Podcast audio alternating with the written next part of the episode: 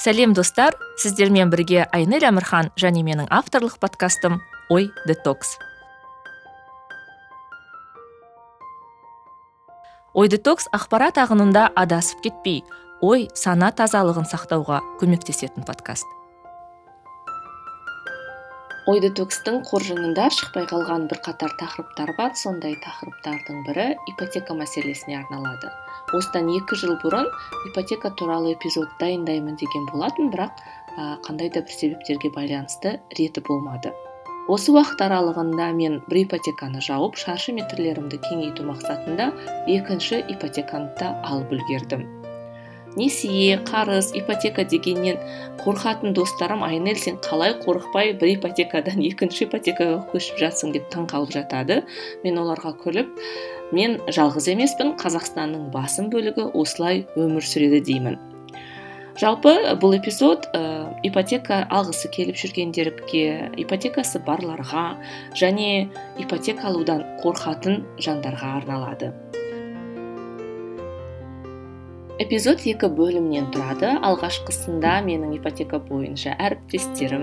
Бүгінгі эпизодтың қонақтары ипотека алу бойынша өз тәжірибесімен бөліседі оны қандай бағдарламамен алды не себепті алды және бүгінгі таңда өздерін ипотекада қалай сезінеді? Ол туралы өздері айтатын болады. Ал екінші бөлімде ипотека дегеніміз не? Оны қай уақытта алу керек алған кезде неге назар аудару керек төлей алмай жатсаң не істеуің керек деген сияқты кәсіби сұрақтарға ә, жауап табу үшін ә, қазақстанның орнықтылық қор акционерлік қоғамының сыртқы байланыс жастар қызметінің бас менеджері айбар олжаевпен әңгімелескен болатынмын. Сол кәсіби кеңестерімен бөліседі.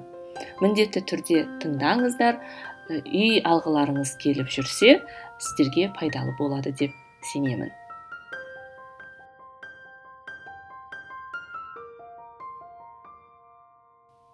Эпизод қонақтарын онлайн әртүрлі бағдарламада әртүрлі уақытта әртүрлі жағдайда жазғандықтан қандай да бір техникалық ақаулар орын алыпты оны монтаждау барысында ғана байқадым.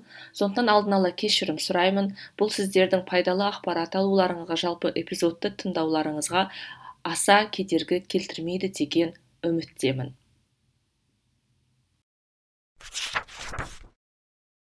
Сәлеметсіздер ме менің есімім балжан менің жасым 33-те мен алматы қаласында тұрамын. А, менің алты жасар ұлым бар халықаралық ұйымда жұмыс істеймін. 2019 жылы мен жеті жиырма жиырма бес бағдарламасы бойынша өзіме алматы қаласында ипотекаға квартира сатып алдым. А, бағдарламаның басты шарттары бұл жәнегі процентный ставкасы жеті пайыз первоначальный взнос жиырма пайыз және 25 жылға берілетін ипотека. Бұл бағдарламаны таңдауымның бірнеше себептері болды. Біріншіден өзіме алатын квартирамның соманың жиырма пайызы ғана болды. Екіншіден ол кезде біз алматы қаласында тұрып жатқанда арендаға квартираға жалдап тұратынбыз. Және үшіншіден алматы қаласында бағалардың саны әрқашанда өсіп тұрады. Осындай обстоятельстволар дейді. Бәрін шығындар бар кірістер бар бәрін қарастырып мен жеті жиырма жиырма бес бағдарламасы мен үшін қолайлы екенін шешіп сол бағдарламаға документтерді жинауға шешім қабылдадым. Негізі бұл процедура менде где бір, бір айдай уақыт алды. Басынан өзінде бәрі менде жақсы болады. Мен квартираны ә, сатып аламын. Ипотекаға маған береді. Және ә, бәрі сондай жақсы банкте кездесетін менеджерлармен жақсы менеджерлар кездеседі маған. Бәрі жақсы болады документтерімді жақсы қабылдайды барлығы толығымен болады дегенде тек қана сондай өзімнің басымда жақсы позитивті ойлар болды. Сол позитивті ойлар маған өте көмектескен сияқты. Өйткені менде банкте атф банкқа келген кезде өте жақсы менеджерлар мені қабылдады. Документтерімді қарастырғанда да сондай эффективный дейді ғой бәрі болды. Келесі сатыға басқа менеджерға ауыстырған кезде ол жақта да жақсы менеджерлар мені кездестірді. Ә, документтерімнің бәрін дұрыс жаңағы қарастырып бәрі сондай уақытымен болды. Ә, бұл маған өте көмектесті. Сондықтан да менің ипотека алу тәжірибем сондай жақсы позитивті болды. Сол өзімнің ішінде іштей настройымның жақсы болғанының себептерінің бірі деп кейде өзім ойлаймын. Екіншіден жаңағы мен бағдарлама туралы барынша көп ақпарат жинауға тырыстым.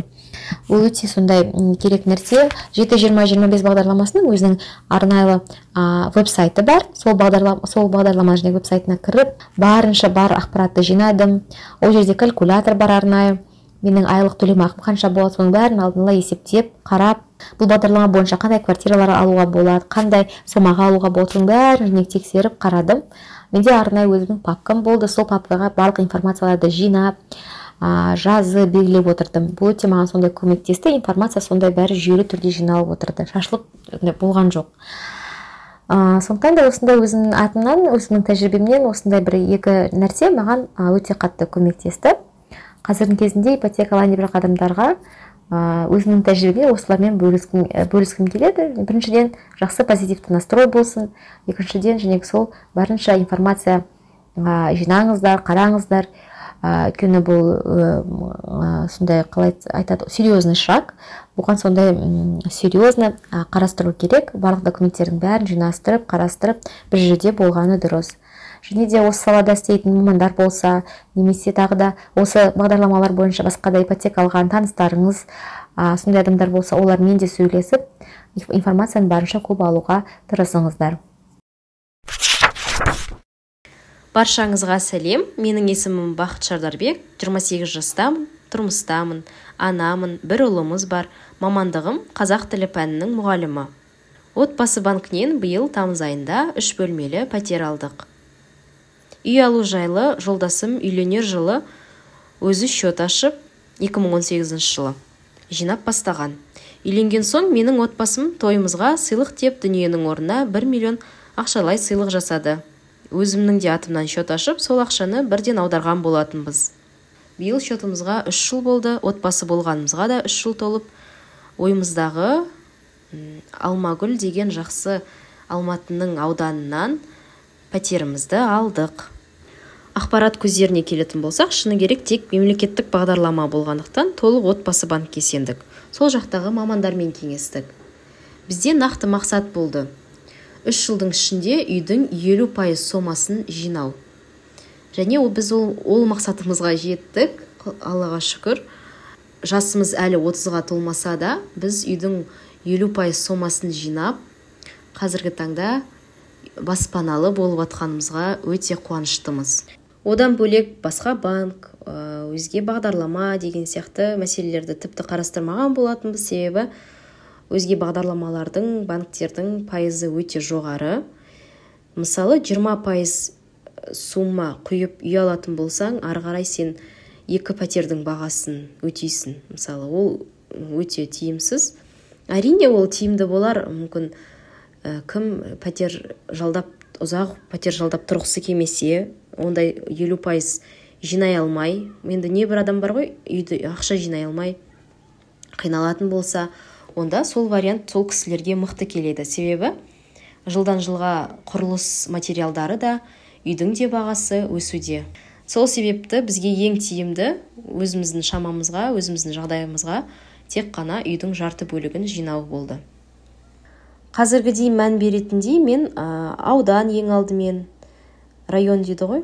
Қай жерде орналасқан алматының және де жалпы үйдің орналасқан жері жолдың бойы ма ә, ауланың іші ма дегендей. Одан кейін пәтердің қабаты. Міндетті түрде тек жаңағы екінші үшінші қабатты қарастырған болатынмын. Сол ойымдағымдай болды барлығы. Ұнаған жақсы варианттағы үй болса ұзақ ойланбай алыңыз. Міндетті түрде ақпарат іздеңіз жалықпаңыз. Ақшаны барынша көптеп қылып салып жинай беріңіз. Мен өзім журналистпін мамандығым кәсібім. Қазір осы нұр сұлтан қаласының тұрғынымын елорда алыппын уже үшінші жылға кетті. Бұған дейін алматыда тұрғанмын он сегіз жылдай туған жерім қызылорда. Үйленгенмін екі балам бар екеуі де қазір мектепке барады. Бұл асқар беков. Оның алматы және астана қалаларында ипотека алу тәжірибесі бар. Негізі сырттай көбісі асқардың екі үйі бар алматыда және елордада деп айтады ғой жаңағы. Сосын бір андай бай сияқты көрінесің да бірақ екеуі де ипотекада тұрған үйлер негізі біреуі алматыда оны алты жыл бұрын алғанмын екі мың он бесінші жылы. Ол кезде менің жасым отызда болатын. Ә, сосын екіншісін осы астанаға көшіп келген келгенде алдым. Осы бір, бір жарым жылдай болып қалды. Енді бірінші ипотекам ә, мемлекеттік бағдарлама арқылы алдым. Мемлекеттің көмегімен ә, самұрық қазына тұтас қазақстан бойынша жаңағы арендное жилье с последующим выкупом осы бағдарламамен алдым. Өте тиімді бағдарлама болатын. Бірақ өкінішке қарай қазір ол бағдарлама жабылып қалды.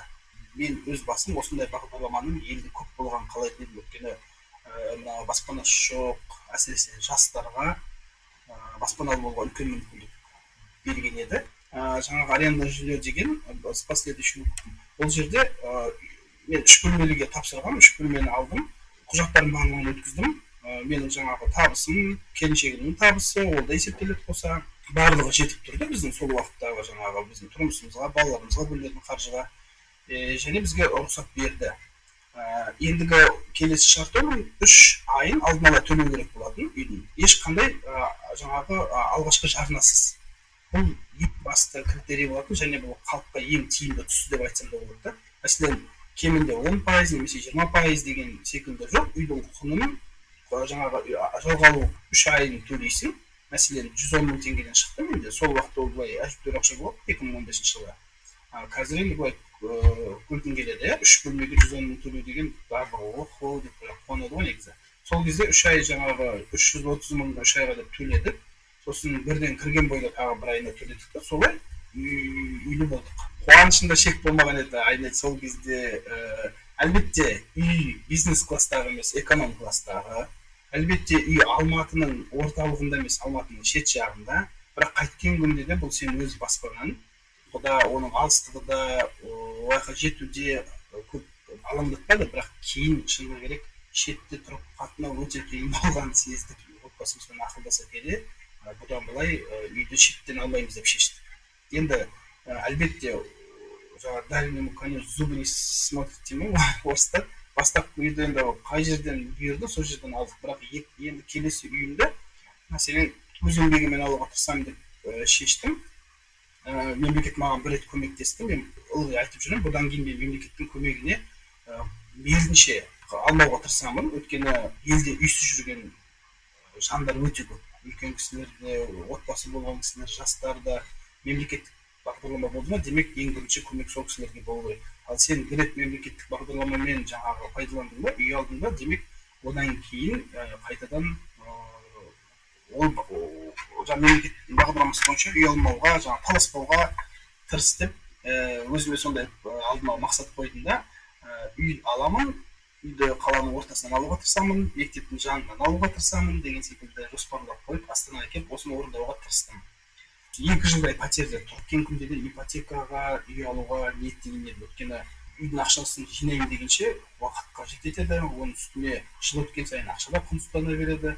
Сондықтан не болса да мартабек кел деп тағы екінші ипотека алуға бел будым да бағдарламаларды қарай бастадым.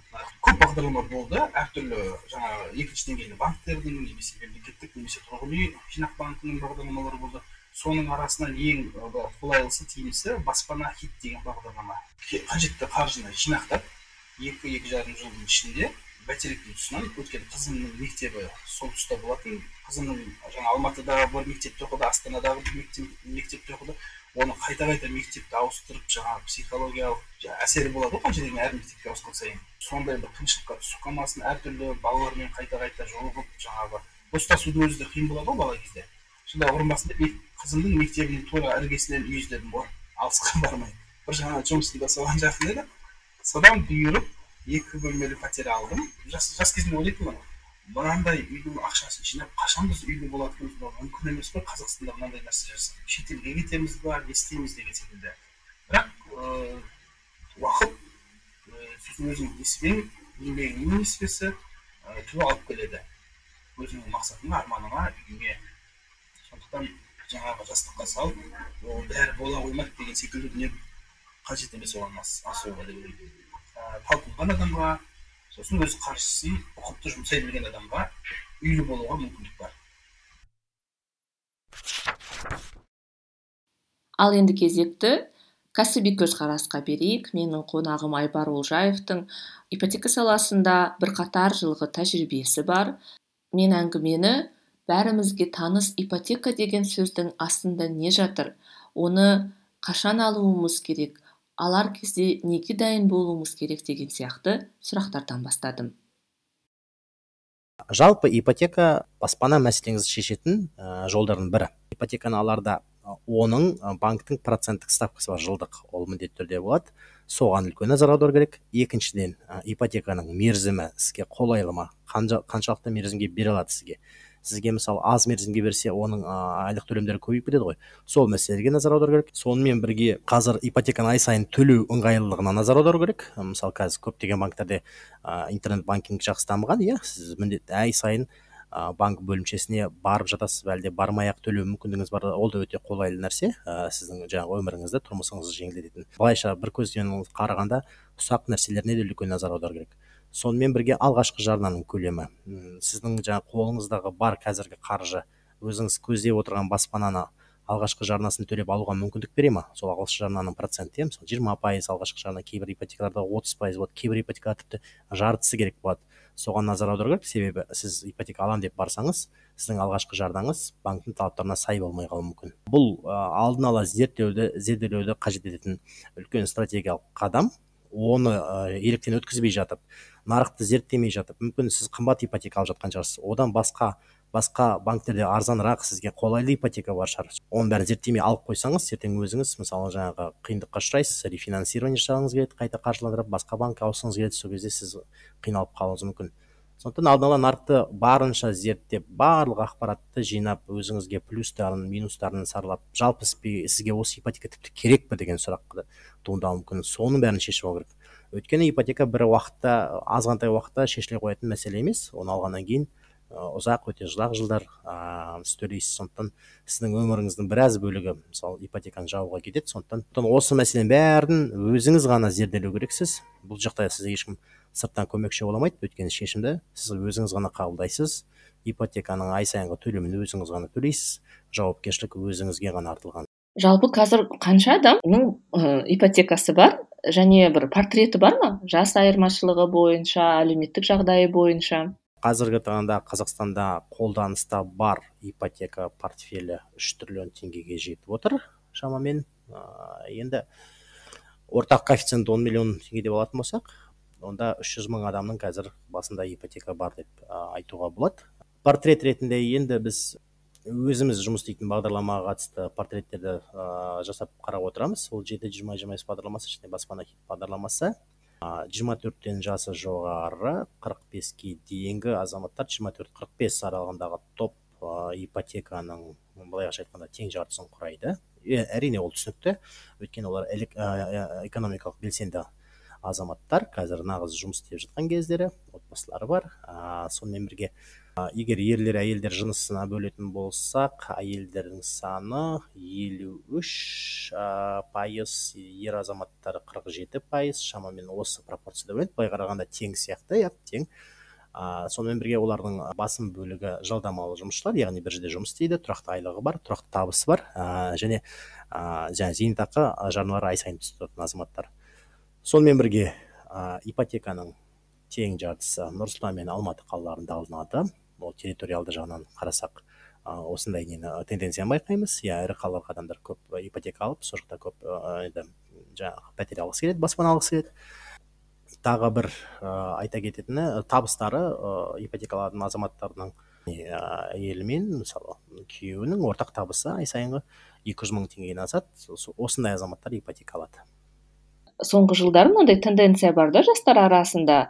Мысалы бұрындары арман қуып алматыға астанаға келген жастардың немесе кез келген адамның мақсаты үй алу болатын иә. Үй алсаң бір міндеттеріңнің бірі орындалғандай көңіліңде бір тыныштық орнайтын. Ал қазіргі тенденцияға назар аударатын болсақ жастар біз әлі тұратын жерімізді білмейміз сондықтан оған байланудың қажеті жоқ деп ойлайтындар да бар. Осы салтанат еткен тенденция жаңағы сіздердің бағдарламаларыңызда қандай да бір көрініс таба ма? егер ә, бұрынғы жылдармен салыстырсақ қазір пәтер алған адамдардың ипотекаға пәтер алатын адамдардың саны аз ба? немесе қайта көп пе? Жалпы ә, бұған дейін әлемдік тенденция басқа біздегі тенденция басқа болып келді. Бізде жалпы өзіңнің үйің өзіңнің меншігің деген бір меншікті ә, менталитет болды. Болғанда қазір де бар әрине. Ә, жалпы өз үйің бол, болуға тиіс бір жерде тұрақтауың керексің деген. Ә, батыс елдері көбінесе мобильді менталитет бойынша жұмыс істеді яғни қай жерде жақсы жұмыс бар ыыы сол жерге барып сол жерден ұялғанша пәтер жалдап кейін басқа ыыы мысалы штатта басқа елде жақсы жұмыс табылса сол жаққа кетіп қалған деген. Бірақ ыыы біз қарап отқандай біздегі жастардың екі категориясы бар. Біреу әлі отбасы құрмаса да жаңағы кез келген елде мобильді болып жұмыс істеуді қалайтын жастар олардың үлесі көп емес екінші категория категориялы жастар отбасын құрып үлгерген жастар қазір жұмыс істеп әйелі мен күйеуі жұмыс істеп ыыы жалға пәтерге тұрғанша осы ақшаны өзіміздің жаңағы үйімізге ипотекаға жұмсаған дұрыс деген шешімге келген жастар. Сондықтан осы екі тенденцияны көріп отырмыз. Бірақ біздегі ипотеканың үлесінде жастардың қандай да бір үлесі азайып жатқан жоқ. Тағы бір кең талқыланатын тақырып ол пайыздық көрсеткіштер бойынша. Мысалы әдетте американы айтады иә бізде ол жерде сен ә, үйді жалға алсаң пайыздық көрсеткіші небәрі екі пайызды көрсетеді деп. Бізде әдетте ә, ең азы ол енді отбасы банк беретін түрлі бағдарламалар аясындағы көрсеткіш пайыздықтар пайыздар иә сосын нарықтағы жаңағы сіз айтқан жеті жиырма жиырма бестен баспана хиттікі он он білмеймін он бір пайыз арасында дейік иә. Сосын екінші санаттағы коммерциялық банктер беретін пайыздық көрсеткіштер тіпті он сегіз жиырма пайызға дейін баратындар бар. Жалпы осы пайыздық көрсеткіштер туралы әңгіме айтқанда сіз қалай жауап бересіз? Қалай түсіндіруге болады? Бұның астарында ешқандай саясат жоқ. Бұл нақты экономикалық көрсеткіш базалық ставка деген ұғым бар. Базалық ставка ақшаның құнын ә, нақты ақшаның құнының көрсеткіші. Біздегі базалық ставка тоғыз да жетпіс бес пайыз қазір. Демек ә, кредиттер де депозиттер де барлығы осы базалық ставканың төңірегінде болады. Тоғыз да жетпіс бес пайыздан төмен ә, мысалы кредит немесе ипотека болсын оның барлығы ә, нарықтан төмен яғни мемлекеттің қолдауымен мемлекеттің субсидиясымен жүзеге асырылып жатқан дүниелерді бірден санасаңыз болады. Нарық таза коммерциялық түрде. Тоғыз да жетпіс бес пайыздан төмен ешқашан да кредит бере алмайды. Тоғыз да жетпіс бес пайыздың пайызбен кредит берген өзінде де ол банк өзінің жаңағы операциялық шығындары бар шығынға ұшырайды өйткені ақшаның құны қазір ұлттық банк бекіткен осы сомада. Сондықтан а сіз мысалы батыс елдерінде ыыы ипотеканы екі пайыз үш пайызбен алуға болады дейсіз иә? Оларда өйткені оларда базалық ставка нөл нөл бес нөл жетпіс бес пайыздың бір пайызының шамасында сондықтан олар бере алады. Себебі оларда белгілі бір қаржылық ыыы жаңағы инфляцияның кейде бір дефляцияның да кері инфляцияның да көріністері ә, бар. Кейде тіпті сіздер ойлайсыздар ә, мынандай ақпаратты кейде естігендер шығарсыздар отрицательная ставка деген бар. Ыыы керісінше сіз ұзақ мерзімге ипотека алсаңыз сіз нөл ставкадан емес кері ставкамен мысалы ипотека алу мүмкіндігіңіз бар. Ыыы сіздің төлеміңіз ай сайын азая береді иә? Бірақ бұл экономикалық өсімді емес экономик бір стагнацияны білдіреді. Бұның екінші жағы бар мысалы сіздер ыыы ипотека мысалы екі пайызбен алатын болсаңыздар тиісінше сіз егер депозит ә, банкке салсаңыз көбейтемін деп бізге нөл бүтін оннан екі немесе нөл бүтін оннан бес ставкамен ғана сізден ақшаны қабылдау мүмкін иә? Сіздің ақшаңыз өспейді. Өйткені экономикада ешқандай ә, кредитте де осындай ставкалар аз болса демек депозитте де ставкалар аз болады. Бізде мысалы тоғыз да жетпіс бес пайыз ә, базалық ставка болса онда депозиттердің бір он бір он екі пайызбен қабылдану қабылданатын болады. Ал кредиттер ә, нарықта мысалы оған үш үш жүз базистік пункт қосу керек. Кем дегенде сонда он екі он үштен жоғары ә, процентпен берілетін болады. Бұл нарықтың экономикалық заңы одан ешкім аттап кете алмайды.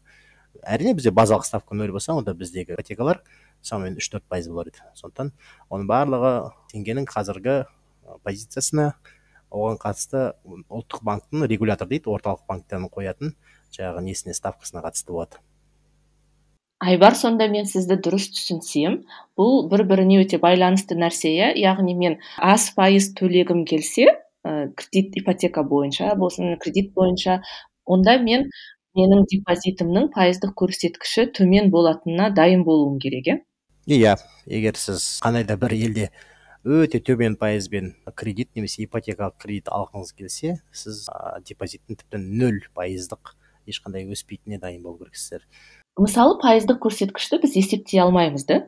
Мен өзім мысалы екі рет ипотека алған адаммын екеуінде де қанша оқып тырыссам да ең соңында қалай сондай сома шығатынын түсінбеймін. Бірақ мен бір ойлағаным жарайды ә, бірнеше жылда аман есен құтыламын.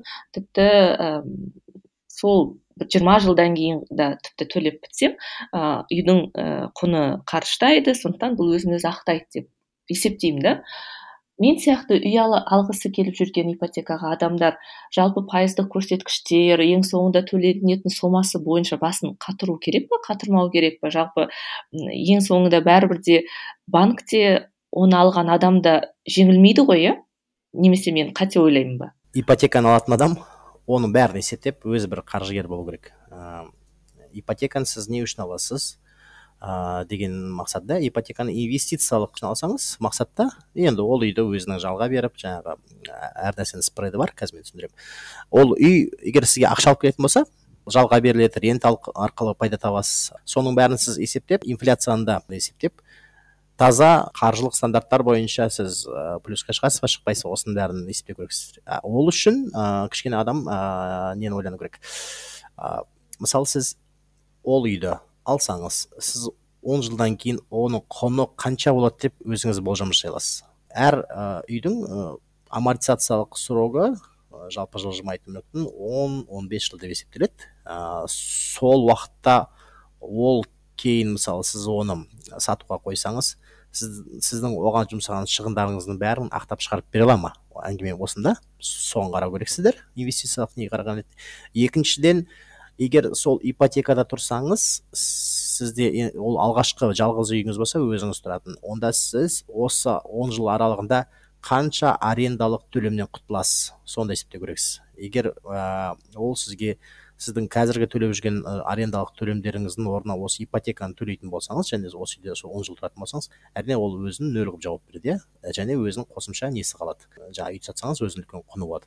Сондықтан қазақстанда теңгемен ипотека алған азаматтың соңғы он жылда ешқандай ұтылмағанын көріп отырмын. Ә, шын шынына келгенде себебі ә, біздің инфляция деңгейі ең кемінде алты пайыз ұлттық банк орнатқан коридор төрт алты пайыз жаңа былай алты пайыз деп есептесек он жылда мысалы оның кумулятивтік алғанда алпыс пайыз иә.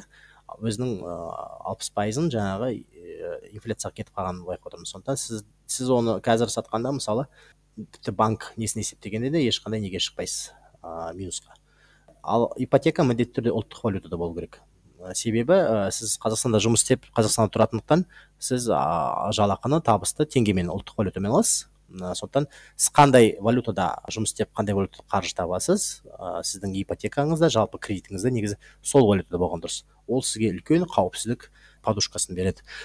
Бұған дейін мысалы өздеріңіз білесіздер бір көп ә, ипотекалық нелер болды. Кезінде ол бә, оның бәрі кезінде валютамен ә, доллармен ипотекалық кредит алып алған азаматтардың басында болды. Доллар қымбаттап кеткенде олардың жаңағы тіпті алған үйлерінің өзі сол долларға шыққанда тұрмай қалды жаңағы ә, бағасы. Мемлекет өз тарапынан оларға көмектесіп олардың долларлық жаңағы ипотекасын бәрі рефинансирование қайта қаржыландыру жасап ұлттық банк арқылы оларға теңгемен сол белгіленген бір курсқа ауыстырып берді. Бұл мемлекет тарапынан үлкен көмек болды. Ал жалпы ол жағдай неден туындады? Кезінде бізде өзіңіз жақсы білесіз теңге мен доллар қатар жүрді. Көбіне кепті. Ә, көлік ә, осы жылжымайтын мүлік үлкен операциялар тек қана долларлармен есептеліп долларлармен жүрді. Адамдардың ыыы көңіліне осы доллар біздің жанымызда ылғи осы қазіргі тұрақты бағамен тұрады екен деген жаңағы бір не ұялап қалды. Ол үлкен өкінішке орай үлкен не еді? Қате жаңсақ пікір еді және оның қате екенін уақыт та көрсетті. Сондықтан қазір ипотека алғысы келетін адамдарға жалпы егер жаңа қазір салынған жаңа үйді қарастыруға тым ескі емес оның жасы он жылдан аспаған пәтерді қарастыруға мен кеңес беремін кредиттің міндетті түрде ұлттық валютада яғни теңгеде болуына кеңес беремін өйткені ол кішкене валюталық бір құбылмалы қауіптен сақтайды құбылып кетсе валюта ол сізге ешқандай несі әсер болмайды. Сыртқы факторлар сізге әсер етпейді. Ә, сонымен қатар ә, ол үйдің ә, жақсы перспективалы немесе қазір жақсы немесе болашақ перспективалы орналасуын ауданда орналасқанына кейін сол жерде бір әлеуметтік үлкен нысандар жаңағы мектептер балабақшалар жолдар стадиондар метро несі салынатын бәрі болжанып тұрса генеральный жаңағы бас план бойынша сондай жерде қазір кішкене үйдің бағасы арзан болып тұрса болашаққа перспектива алуға кеңес беремін. Оның барлығы өзінің үлкен бір рөлін ойнайтын болады әсерін жаңағы үйдің бағасының түсуінде. Жалпы үйдің бағасы немен құралады? Ол сыртқы факторлардан да құралады? Үйдің жасы және орналасқан жері сол жақтағы дамыған инфрақұрылым ол жерден қаланың орталығына іскери бір жерлерге тез арада бара аласыз ба? Ә, ода метро бар ма? осының барлығы ескерілетін болады. Ол жақ экологиялық ә, нышаны қандай жаңағы жағдайы қандай? Осының барлығы осының бәрін ескеру керек те. Егер сіз осы тұрғыдан алғанда үйіңізді алатын үйіңізді перспективалық деп есептесеңіз теңгемен ипотека алсаңыз менің ойымша қазір ұтылмайсыз. Айбар қазіргі адамдардың санасы өзгерді ма? Мысалы ақпараттық қамтылу жағынан деңгейі жағынан енді қазір әлеуметтік желілер бар иә кез келген уақыт бөлсең тіпті ақпарат табуға болады. Ә, неше түрлі мамандар шықты кеңес беретін. Десек те көбінесе бізде бір жалқаулық бар сияқты. Ақпарат іздеуге сосын немкетерлік бар сияқты сосын ай жиырма жылдан кейін көреміз деп ойлайтындар да бар сияқты. Сіз енді осы салада жүргеннен кейін халықтың ақпараттану деңгейі қаншалықты деңгейде санасы қаншалықты деңгейде өзгергендігін өзіңіз бір мониторинг жасадыңыз ба? Қазір ә, мемлекет өз тарапынан ә, қаржы ұйымдары орталық иә қадағалаушы. Барлық олардың күш жігері осы адамдардың қаржылық сауаттылығын арттыруға жұмылдырып жатыр. Себебі ол біздің мемлекетімізге қатты әсер етеді.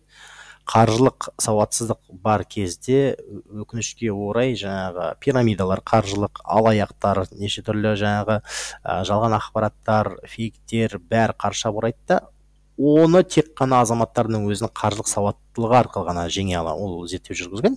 Басқа ештеңемен тіпті регуляторлық қадағалаушы ә, функциялармен емес өйткені ақпараттың бәрін ұстап тұру мүмкін емес. Адамдардың өзінің бір санасы арқылы жеңуге болады да мысалы көп адамдар жаңағы өз қолымен ақшаны апарып беріп одан кейін сан соқтырып одан кейін мемлекетті кінәлап жатады неге ә, айтпады жоқ мемлекет айтып жатыр жазып жатыр ескертіп жатыр. Бірақ адамдар көбінесе осы қаржылық сауаттылықты есептеуден бұрын жаңағы бір психология тұрда қазір ана жаққа ақша қойып одан екі есе ақша береді екен жаңағы көршісі айтқан досы айтқан осылай болды деген сияқты басқа бір адамның ақпаратына жанында жүрген адамнан шыққан неге көп сенеді бірақ шын мәнінде ол біздің ұлттық қауіпсіздігімізге үлкен соққы болып жатқан қазір нәрсе. Сондықтан азаматтардың қаржылық былай қарасаң сауаттылығы соңғы он жылда менің ойымша енді сәл артты. Бірақ өкінішке орай ауылдық жерлерде жер жерлерде мысалы тек қана ірі, ірі қаланың ә, тұрғындарында қаржылық сауаттылық кішкене бар. Өйткені осы ортада жүр. Бірақ аймақтарда бізде әлі сол баяғы он жылдық негеде әлі қалып отыр да. Содан кейін үлкен қалаға келіп жаңағы пирамидаларға алаяқтарға ұрынатындар да осы ә, жаңағы өзінің атынан ә, кредит алдырып қоятындар жаңағы өзінің кодын айтып қоятындар смс кодты айтып қоятындар да осы аймақтардан келіп енді ғана жаңағы көп адамдарға әлі сеніп жүрген жаңағы ақпараттарды әлі дұрыстап ажыратамай жүрген адамдардың көп басынан өтіп жатыр. Фейк ақпараттың әлі де адамдардың санасына тезірек жетіп бір адамдарға ә, бір үміт ұялатып қазір осынша ақша салып осынша біраз біраз уақыттан кейін осынша ақша аламын деген жаңағы сенгіштік әлі бар да. Сондықтан қаржылық сауаттылық бір екі сатыға артты деп ойлаймын бірақ әлі біздің ә, артуы тиіс деңгейге жеткен жоқ. Біз енді орталық азияның қаржылық орталығы болып саналамыз иә елімізде биржалар жұмыс істейді ірі компаниялар халықаралық компаниялар да бәрі бар банктер де өте жаңағы белсенді. Бірақ соған қарамастан бізде әлі де жаңағы қаржының не екенін оның операцияларын жаңағы түбіне жетпей жүрген азаматтар әлі көп. Айбар сіздердің бағдарламаларыңызға оралсақ жеті жиырма жиырма бес және баспана хит. Баспана хит бағдарламасы қазір өз жұмысын тоқтатты иә менің білуімше. Өйткені бөлінген қаражат игеріліп бітті деген ақпарат шықты. Ал жеті жиырма жиырма бес қазір жұмыс істеп жатыр ма? Және болашақта немесе қазір мен білмейтін өзге бағдарламалар бар ма? Баспана хит өзінің әу баста жоспарлаған барлық индикаторларын орындап бұл бағдарлама орта жолда тоқтап қалған жоқ ә, немесе белгілі бір межеден асып кеткен жоқ. Нақты алты жүз миллиард бөлінген болатын сол алты жүз миллиард теңгесін бәрін сарқып қазір өзінің ә, жоспарлы түрде кәдімгі жұмысын аяқтап жатыр. Ал жеті жиырма жиырма бес бағдарламасына келетін болсақ оның ә, қаржыландыру көлемі бір триллион теңге деп бекітілген. Ол ешқашан өзгерген жоқ. А, сол бір триллион теңгенің қазір төрт жүз миллиард теңгесі азаматтарға кредит ипотекалық кредит ретінде берілді. Әлі алты жүз миллиард теңге бар. Енді қазіргі позиция мынандай алты жүз миллиард теңгені толық игеріп біту керек. А, оған нақты бір мерзім қою мүмкін емес ол қашан бітеді? сондықтан осы жыл бітеді екен осы жыл бітеді екен деп ешкім ешқашан айта алмайды. Алты жүз миллиард қалай азаматтарға жаңағы ипотекалық кредит деп бітеді одан кейін бағдарлама жаңағы өзінің жаңағы жоспарлы түрде баспана кит сияқты өз жұмысын аяқтау керек. Одан бөлек қандай бағдарлама пайда болып жатыр дегенде баспана хит бағдарламасы бүкіл сегіз одан кейін тоғыз болды одан қайта сегіз болды. Ә, банктермен жүйелі түрде жұмыс істеді де баспана хит бағдарламасының жақсы инфрақұрылымы банктерде жаңағы база ақпараттық жүйелер бәрі қалды ғой. Банктер соған орай істеді ғой. Енді банктерде бүкіл инфрақұрылым тіпті мамандар да барлығы дайын болғандықтан банктер бір жақсы нарық үлкен серпін алды да банктер өзінің осы базада өзінің ипотекалық бағдарламаларын дайындап нарыққа ұсына бастады. Ол өте бір нарықтың ипотекаға оралуы мемлекеттің ипотекадан ақырындап ығысып нарыққа нарықтық принциптерге орын беріп жатқаны жақсы көрінісі. Сонымен қатар өздеріңіз білесіздер цифрлы ипотека қазір пайда болды технологиялы ипотека технологиялар ипотекаға келе бастады иә онымен бірге өздеріңіз жақсы білесіздер біздегі мемлекеттің бастамасы бойынша қазір мемлекеттік бағдарламалардың орнына ұлттық жобалар келіп жатыр. Оннан астам ұлттық жобаның бірі жаңа азаматтардың тұрғын үй жағдайын жақсарту бойынша барлық бастамалар біріктіріп мемлекеттік үлкен бір жайлы тұрғын үй бағдарламасы пайда болатын болады. Оның жаңағы ішінде бұған дейін отбасы банк арқылы жұмыс істеп келе жатқан мемлекеттік бастамалар біріктіріліп жаңағы ставкалар екі пайыздық белгілі бір категорияға одан кейін белгілі бір категорияға бес пайыздық ыыы жаңағы нелер қарастырылатын болады функциялар. Сондықтан ә, енді мемлекеттің ипотекадағы рөлі және көмегі тек қана адресті болмақ ә, адресті дегеніміз ә, жаңағы әлеуметтік әлжуаз топтарға мемлекеттік субсидия арқылы жеңілдетілген бағдарлама жеңілдетілген несиемен берілетін болады. Да ал коммерциялық қалған азаматтар жаңағы өзінің ә, ешқандай әлжуаз топтарға кірмейтін өзінің ә, қаржылық мүмкіндігі бар. Оларды олар нарық арқылы нарықтық принциптер бойынша ә, ипотекамен жұмыс істейтін болады. Сондықтан бұл өте дұрыс. Ол нарықтық біздегі бір нарықты қисайтпайды. Себебі мемлекеттің ә, жалпы кредиттеу нарығында ипотекада тым дендеп енуі біздегі экономикалық жалпы байланыстарды қарым қатынастарды кішкене басқа кері бағытқа бұрып жіберуі мүмкін. Ә, бізде экономикада дұрыс жұмыс істемей қалуы мүмкін. Сондықтан ә, нарықтық ипотека. Жұмыс істеп жүрген өз аяғы өз ә, аяғынан нық тұра алатын өз қолы өз азаматтарға ал ә, жеңілдетілген ипотека мұндай нарықтық шарттармен үй ала алмайтын жаңағы әлеуметтік осал топтарға кіретін көп балалылар болсын ә, бюджет саласының қызметкерлері болсын жетім балалар ә, жаңағы асыраушысынан айырылған ә, ә, жесір тұлғалар. Сонымен бірге ә, мүгедек бала асырап отырған отбасылар ә, көп балалы отбасылар осындай ә, нақты әлеуметтік жаңағы топтарға осындай мемлекеттің көмегі арқылы жеңілдетілген ипотека берілетін болады. Сонда ә, нарық өз принциптеріне қайта оралып экономика дұрыс жұмыс істей бастайтын болады. Әлеуметтік осал топтарға кірмейтін халықтың бөлігі тек қана нарықтық ә, жекеменшік коммерциялық нарықтан ғана ипотека алатын болады. Ал ә, мемлекет тек қана адрес түрде ипотекаға көмектесетін болады. Ол осал топтарға нақты бір категория кіретін азаматтарға ғана жеңілдетілген баспана алу жағдайын қарастыратын болады. Сіз өзіңіз кеңестерде де бағана айтып өттіңіз. Ал енді ипотекаға үй алдық дейік азамат. Бірақ енді өмір болғаннан кейін әртүрлі жағдай болады. Ә, төлеу мүмкіндігі болмай қалды бірнеше жылдан кейін делік сонда ол, ол не істеу керек? Сіз банк қарызын алғанда оның белгілі бір принципі ол қайтарымдылық. Ә, уақытылық принципіне негізделген. Сондықтан ол сіздің өз жауапкершілігіңіз иә өзіңіз қарыз алдыңыз. Сондай бір жағдайға ұшырап қалдыңыз. Енді сізге міндетті түрде оны банктен қашып нетпей ә, бірден банкке барып жағдайды түсіндіріп осымен жаңағы банктің проблемалық ыыы кредиттермен жұмыс істейтін өзінің әр әр банктің осындай бөлімшелері болады. Соның азаматтарымен және олардың өздерінің жаңағы стандартты нелері бар. Ыыы сізге ұсынатын жолдары бар иә. ә, реструктуризация бойынша жаңағы отсрочка беру бойынша ә, немесе басқа бір ә, немесе амалдары бар. Солармен бірге барып заявление жазу керексіз. Жаңағы өтініш ә, қазір қаржылық жағдайым осындай болып қалды. Белгілі бір өмірінде жағдай жағдай туындап қалды. Сондықтан маған қандай да бір ә, осыны жағдайды жеңілдетуге мүмкіндік беріңіз деп. Банк әрине сізге ә, өзінің жолдарын ұсынады. Егер банк ұсынып жатқан механизм сізге лайық болатын болса міндетті түрде оны қабылдап сол бойынша жұмыс істеген дұрыс. Егер сізде мүлде енді жақсы белгілі бір уақытта төлеп келдіңіз бірақ енді мүлде бір оны төлей алмайтын ары қарай мүмкіндік болса ә, банк ә, шарт бойынша сіздің жаңағы кепіл затыңызды алып қоюы мүмкін. Оған толық заң бойынша құқығы бар егер сіз өз міндетіңізді атқармасаңыз иә жаңағы айлық кредит төлемесеңіз.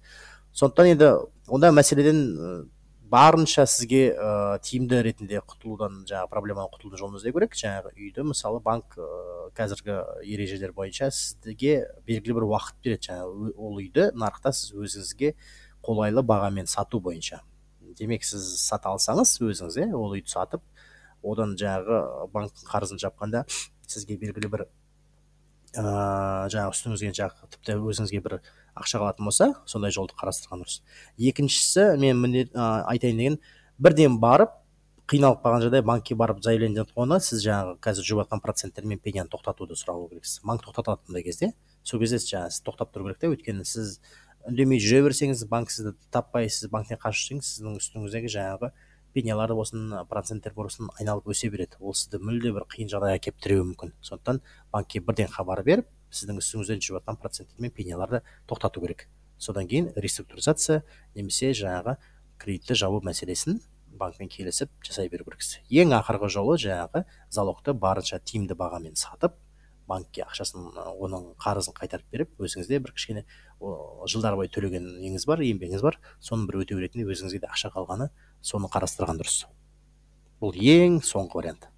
Кредиттік шаршау ұғымы бар. Кредитная усталость дейді ол бес жыл алты жыл дейді психологтар енді. Ә, сондай бір уақытта да келеді. Сіз осы төлеп төлеп төлеп шаршап кетесіз бір қалжып кетесіз. Сол кезде сіз ә, қандай бір оқыс ә, жаңағы қимылдарға бармауыңыз керексіз енді аяғына дейін ә, тұру керексіз. Сондықтан бұл ұзақ бір мерзім ғой. Бұл үй ә, отбасын құру ипотека алу үлкен бір инвестиция жасау бұлардың барлығы. Бір күнде шешілетін нәрсе емес ұзақ ойланып кеңесіп баратын нәрсе. Осымен ой детокстың кезекті эпизоды өз мәресіне жетті. Эпизод қонақтары бақыт балжан асқарға және сарапшы маман айбарға алғысымды білдіремін. Сіздерге пайдалы ақпарат бере алды деген үміттемін. Жалпы осы эпизодты жазу барысында біраз уайымдағанымды жасырмаймын. Себебі бұл ипотекаға жарнама болып кететіндей эпизод болмасын деп ойладым. Бірақ менің негізгі мақсатым сіздерге үлкен мақсат қойсаңыздар оған қарыс қадамдар арқылы ақпарат іздеу оқу мамандармен тілдесу арқылы жетуге мүмкіндіктің бар екендігін көрсету болатын. Бұл да бір қаржылық сауаттылықтың бір бөлігі. Ой детоксты тыңдаған қосымшаларыңызда менің подкастыма жазылып оны бағалап кетулеріңізді сұраймын. Бұл оның тыңдармандарының қатарын көбейтуге көмектеседі. Келесі эпизодтарда естіскенше.